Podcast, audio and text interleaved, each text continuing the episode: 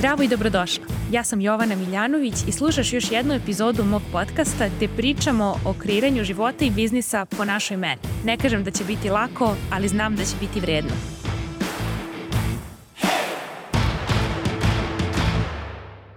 Zdravo i dobrodošli u današnju epizodu. Današnju epizodu radimo zajedno, vi i ja. I ona je posvećena lekcijama koje bismo voljeli da možemo da prenesemo mlađoj verziji nas. Kada kažem mlađoj verziji nas, nisam precizirala u kojim godinama mlađoj verziji nas, tako da hajde neka ostane mislići na nas tako oko 18. godine u tom nekom životnom periodu, tako sam i stavila upit na Instagram story gde ste mi vi pisali koje su to lekcije mlađoj verziji vas. Tako da ću ja da čitam vaše pre svega, a onda ću da kažem neke od svojih. Kaže ovako, šta ste vi meni sve pisali na koja bi to bila lekcija koju bi voljela da preneseš mlađoj verziji sebe. Čitaću ih sve zajedno, neću da kažem ko je ko šta pisao, jer nije to bitno, suština je važna.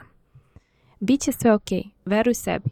Nemoj odustati od svojih snova, možeš ti to. Više uživaj, manje brini. Stvaraj uspomene. Ne boj se, voljena si i neko te uvek čuva.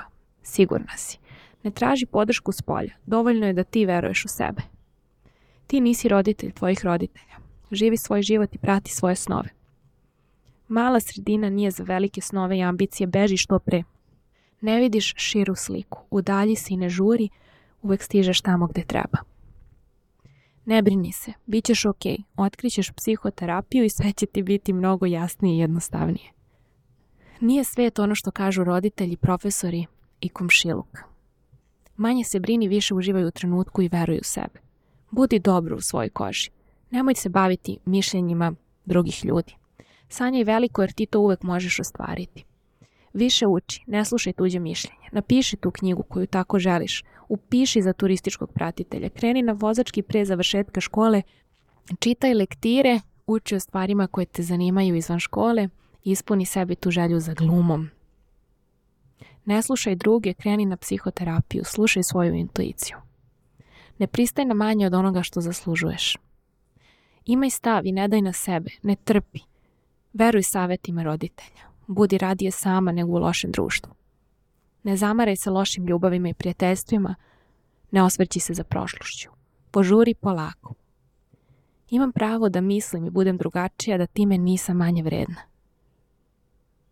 Imam pravo na ličnu privatnost i u porodici i u društvu bez da objašnjavam zašto mi je potrebno. Ne koči da bi uhvatila korak sa svijetom, neka svijet prati tvoj korak. Vjeruj svom instinktu. Ugodi sebi, pa će to biti ugodno i svijetu. Isplatit će ti se. Ne možeš i ne treba sve sama. Traži pomoć, nije sramota. Greši, ne rasipa energiju, opusti se. Komuniciranje tvojih granica i potreba ne znači da si egomanijak kao što ovi oko tebe govore. Ne odustaj nikada od svojih želja. Druži se više. Niko te neće zagledati i tražiti ti mane kao što to radiš ti sebi. Veruj u sebe i ne slušaj toliko druge. Sasvim je u redu da se nekime ne sviđaš. Najbitnije je da se dopadneš sebi. Ne troši vreme na ganjanje muških. Ovo je dobar.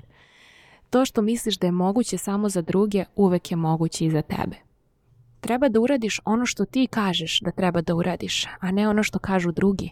Organizuj se bolje, ne gubi vreme na nebitno. Ljudi se menjaju, prijatelji nisu izuzetak u tome. Razlaz je normalan i nekada poželjan.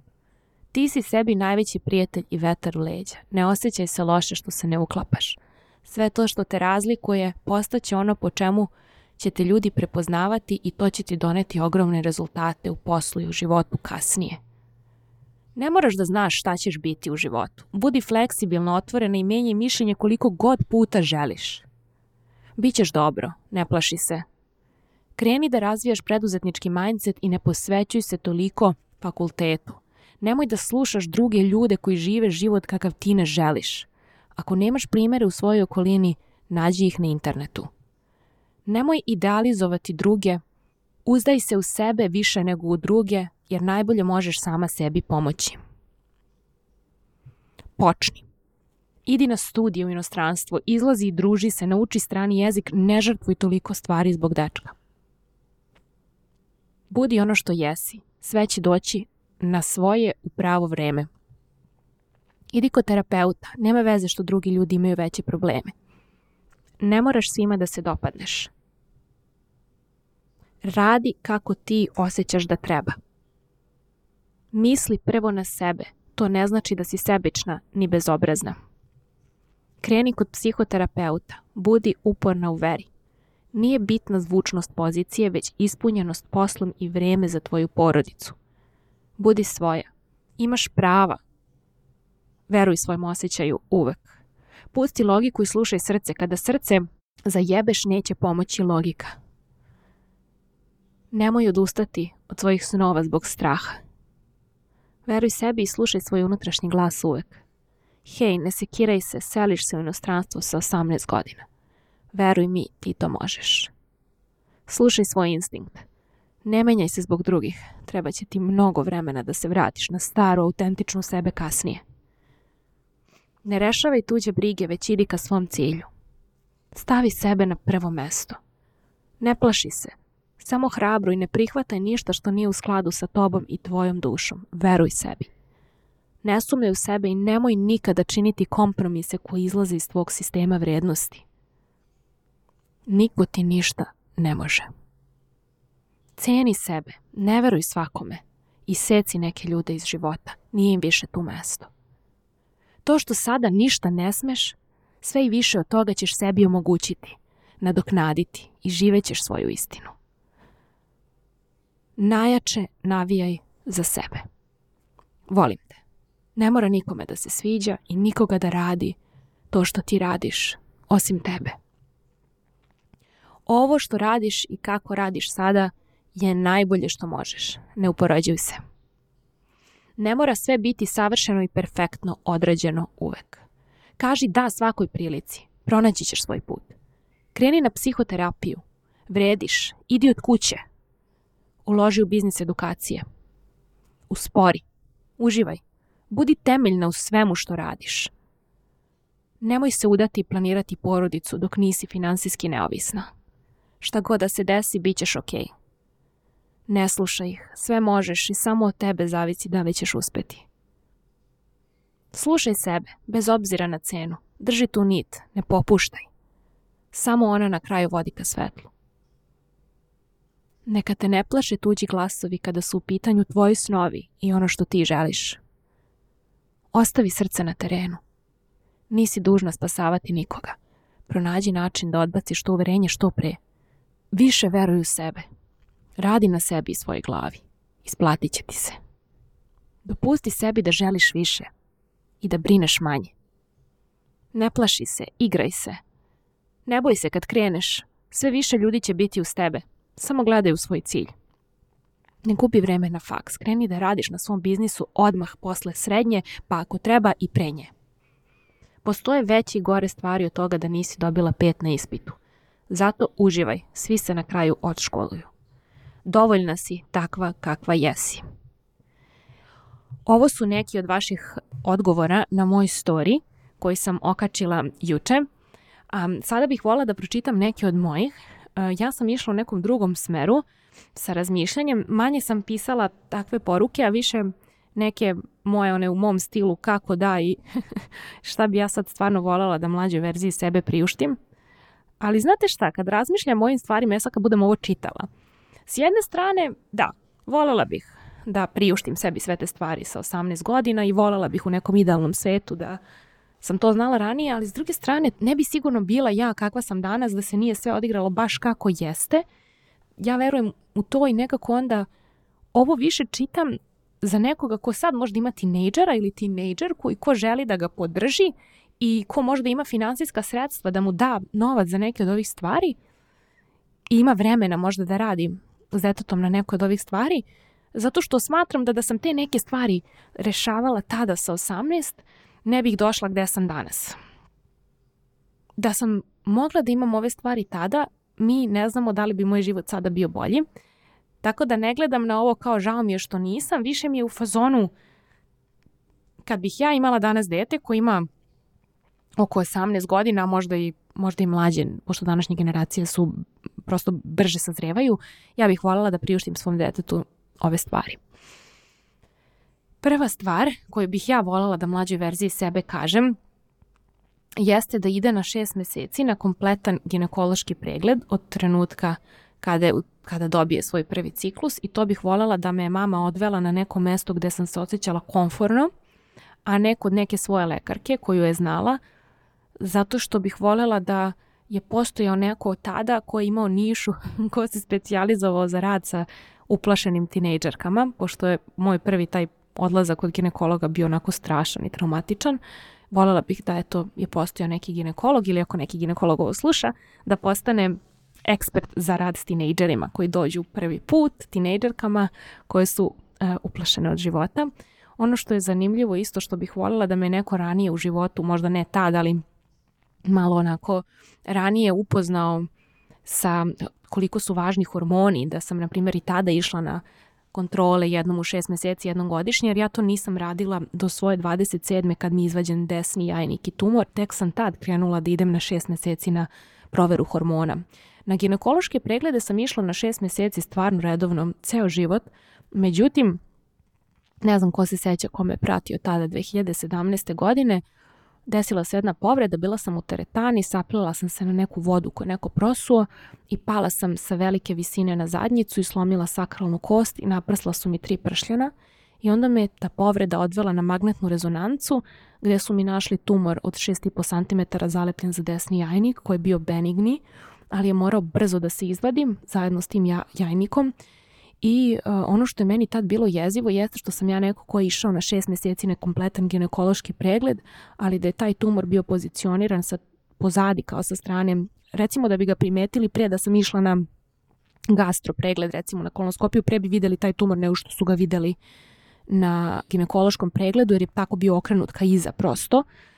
E, zašto to pričam? Zato što voljela bih da je mlađa verzija mene mogla da priušti i da ode na magnetnu rezonancu ranije i taj pregled je zaista pregled koji čuva zdravlje. Danas ga radim jednom godišnje u City Medic diagnostici, inače sve ovo što reklamiram plaćam, znate da ne radim plaćene saradnje godinama, tako da ovaj, plaćam to sebi jednom godišnje i taj pregled čuva glavu, bukvalno čuva mir u glavi, zato što je to jedini pregled gde stvarno vidiš šta ti je u telu sve, a šta ne treba tu da bude, a šta treba taj pregled kad sam otišla, kažem, kad sam slomila sakralnu kost, kad su oni snimali taj deo karlica, oni su našli taj tumor, da nisam otišla tad na taj pregled, ko zna šta bi bilo sa mnom. Tako da hoću da kažem da bi mlađe verziji sebe i mlađoj verziji vas, ako neko od vas ima dete, definitivno je to posebno u današnje vreme skeniranje, dojki na vreme, odlazak na magnetnu rezonancu i kod ginekologa za žene na šest meseci je must have i znam da ovo nije nešto čime se ja da kažeš bavim uh, u svom radu niti apelujem na takve stvari. Inače, ali koristim ovaj podcast kao priliku da kažem sve te stvari koje bi ja volela prosto u mom životu da sam znala ranije, da ponovim još jednom za sad, to je odlazak na magnetnu rezonancu. I makar jednom u dve, tri godine i ginekološki pregled kao što sam i radila, kažem na šest mjeseci, ali prosto nije se videlo, nije se videlo na tom ultrazvuku. Taj tumor niko nikad nije primetio. Išla sam kod tri različita ginekologa, i tako je kako je na kraju ispalo.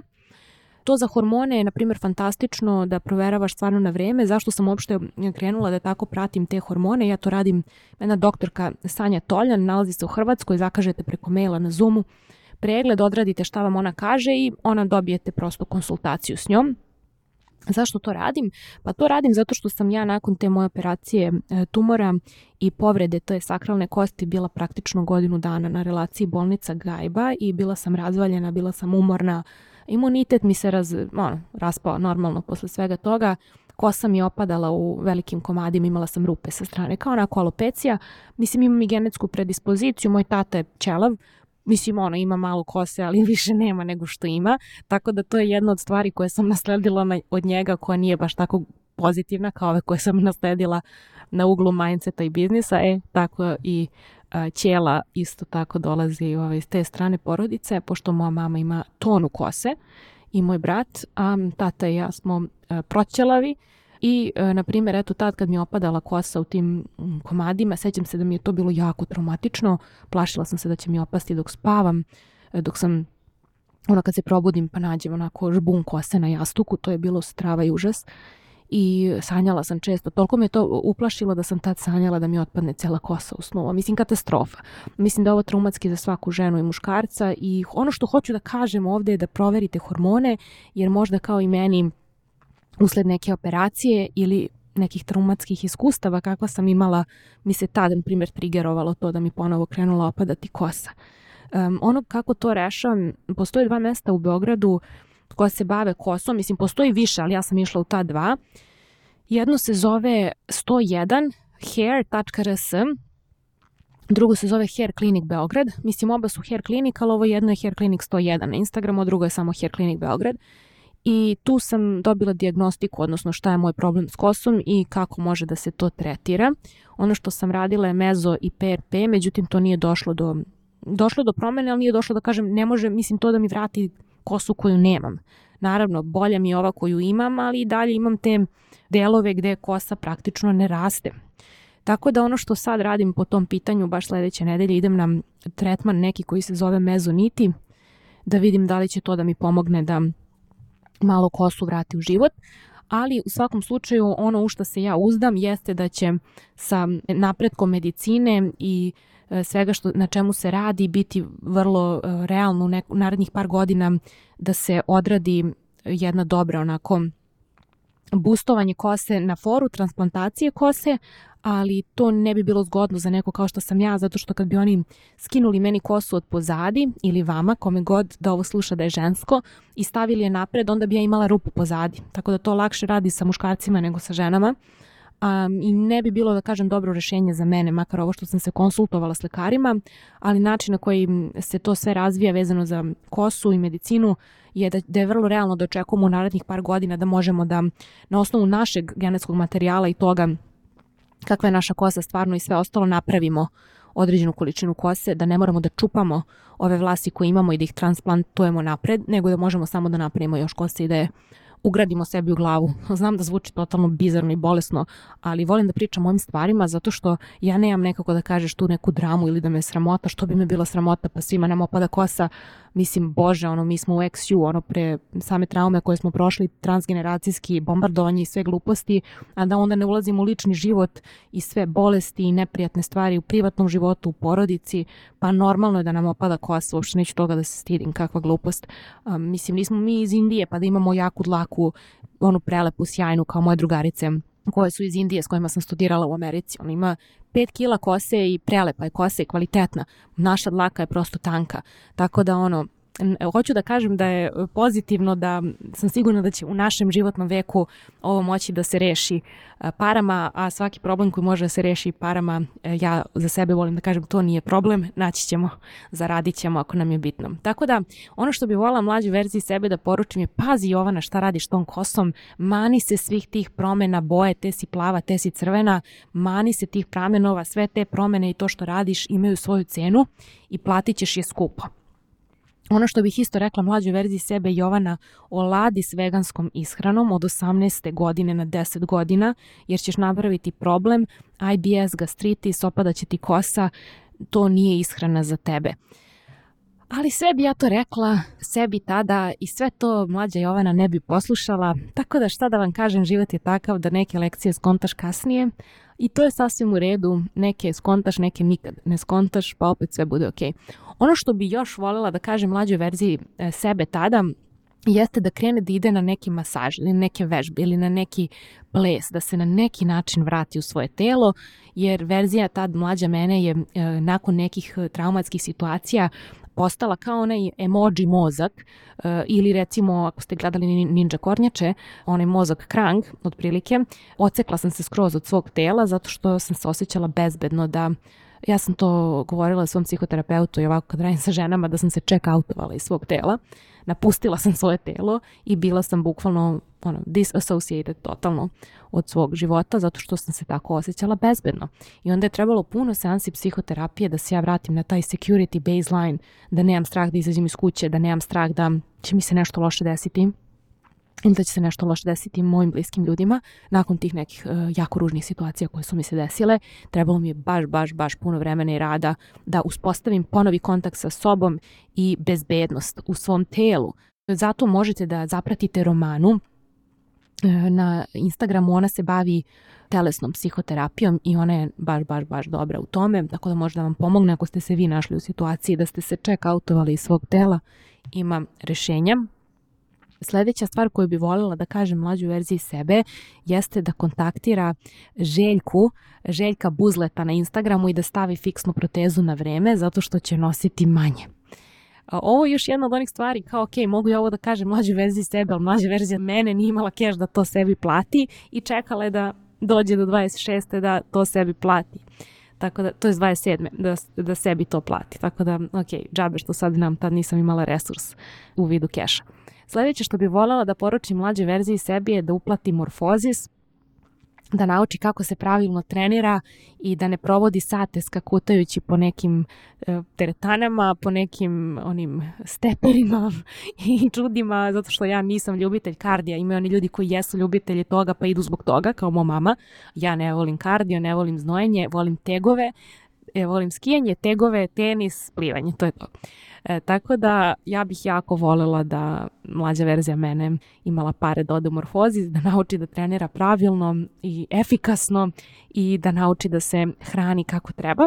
Ali za to mogu da zahvalim mom mužu Borisu Pohuleku, da nije bilo njega, ja bi dalje imala zdravstvene probleme, a od kad smo mi zajedno, što bi bilo od 2019. E, ja sam to sve rešila kroz ishranu i povratila svoje zdravlje i to se isto reflektovalo, iako ja kažem imam tu genetsku, mislim i alopecija usred stresnih događaja koja se aktivirala i genetski moment, sve je to pomešano i ta operacija, bađen ženski organ, bla bla bla, hormoni, ali svakako hoću da kažem da, da je definitivno kosa moja bolje izgledala kad sam prešla na, to je bilo u 2019. godini, na trening, umorfozis i na uh, bolje spavanje usled bolje ishrane, a to je low carb, high fat ishrana. Imate na Instagramu Marija Zdravo jedi lekar. Ona priča o tome, možete da zapratite ako osjećate da je to nešto što je za vas. Kažem, vidi se razlika u mojoj kosi. Naravno, kada opet imam stresne faze, imala sam koronu pa grip, pa mi je deda završio u bolnici, bukvalno pre neki dan pao, jedva smo ga digli, onda smo ga vodili na hitnu da vidimo da li je nešto slomio, nije ništa slomio i dva dana kasnije ponovo pao i slomio kuk. I sad smo u akciji oko toga da li da ide na operaciju, da li da ne ide jer je jako slab.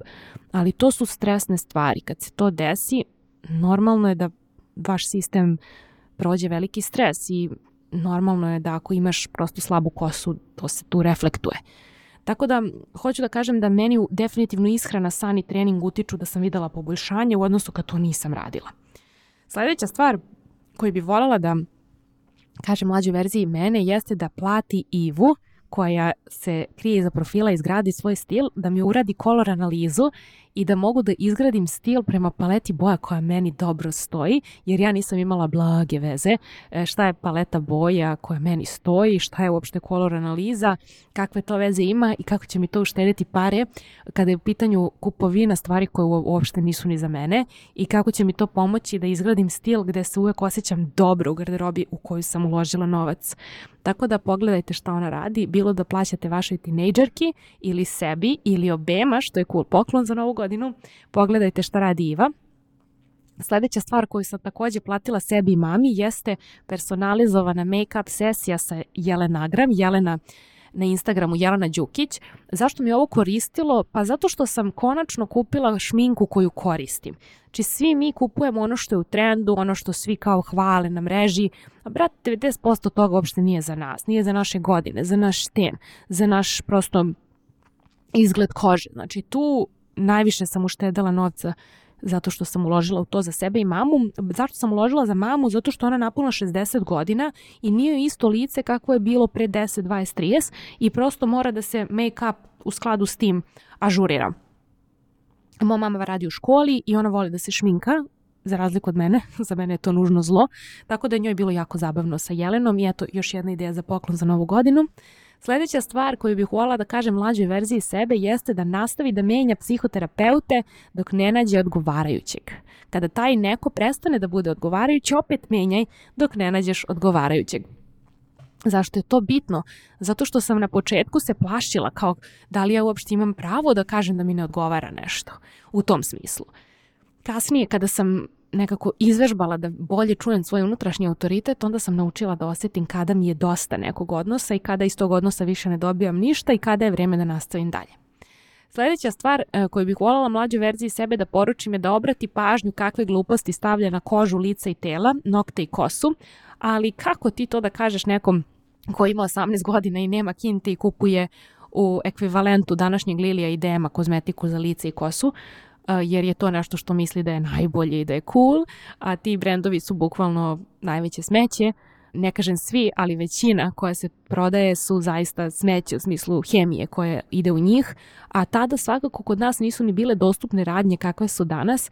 Na primjer imate fantastičnu radnju koja se nalazi tamo u Višnjićevoj romana 5 derma koji vam prave kozmetiku za osjetljivu kožu. Ja imam baš, baš, baš osjetljivu i suvu kožu i oni vam prave kozmetiku koja nije ni skupa, jeftinije od tih fancy kvazi fancy brendova koji se nalaze u tim prodavnicama, a zaista radi posao. Tako da voljela bih da mlađoj verziji sebe poručim da nije sve što zvuči cool zapravo cool i da ako će već da uloži pare u nešto, uloži u tretmane lica redovne i da se drži biološki rešerš kozmetike koja je fantastična za moju kožu, a za sve ostalo da kupuje prirodne jeftine proizvode koji rade posao, da ne plaća brand nego da plaća kvalitet. I za kraj, ono što bih isto poručila mlađoj verziji sebe, kad smo već kod garderobe bili, ovo sam zaboravila da kažem, voljela bih da sam uložila ranije u nekoga kao što je Daliborka sa profila Schneiderski atelje, zato što bih voljela da sam ranije bila u situaciji da e, zaista svu garderobu koju imam prilagodim sebi i da onda sve što nosim, čak i kada nije ne znam kakav kvalitet, kad kupim nešto jer mi se sviđa, na primjer u Zari, a nije, vidi se da nije materijal i vidi se da nije to to, ali kad se prilagodi da je po tvojoj meri, onda zaista izgleda deset puta bolje, čak i ako si ga kupio u nekoj od tih prodavnica. Ovo su, kažem, stvari koje su meni bile interesantne da podelim mlađe verzije sebe i opet kažem, logično, mlađa verzija mene nije imala keš da plati ništa skoro od ovoga, ali nema veze, možda neko od vas danas ima keš, ima tinejdžera i želi da mu kupi nešto za novu godinu i možda to nešto ne mora da bude telefon ili neki gadget, možda može da bude baš ovako nešto gdje ćeš da odeš sa svojim detetom zajedno ako je u pitanju devojka bilo na čas šminkanja, bilo na masažu, bilo na analizu, kolor analizu gdje ćete zajedno da vidite koje su to vaše palete boja i da se na taj način i zabavite i naučite nešto novo. Hvala svima koji ste na Instagramu pisali lekcije mlađe verzije sebe i radit ćemo ponovo ovako neku epizodu koju pravimo zajedno. Čujemo se uskoro i ako niste, obavezno se prijavite za moj newsletter gdje je u toku promocija i prodaja mog programa Biznis Baza koji kreće 8. januara i obuhvata lekcije i video i koje dobijate na mail uz tri Zoom poziva od 2 sata. Tako da ako želite da samo pouzdano izađete na tržište u februaru sa svojom ponudom i jasnom ciljnom grupom, onda se prijavite na biznis bazu i uđite u prvih 50 jer je to koliko primam. Vidimo se uskoro. Hvala ti što si uložila svoje vrijeme i energiju u slušanje ove epizode mog podcasta. Ukoliko želiš da radiš sa mnom, najbolje mesto da se informišeš o aktualnim ponudama je moj website www.jovanamiljanović.com. Čujemo se tamo na newsletteru i Instagramu.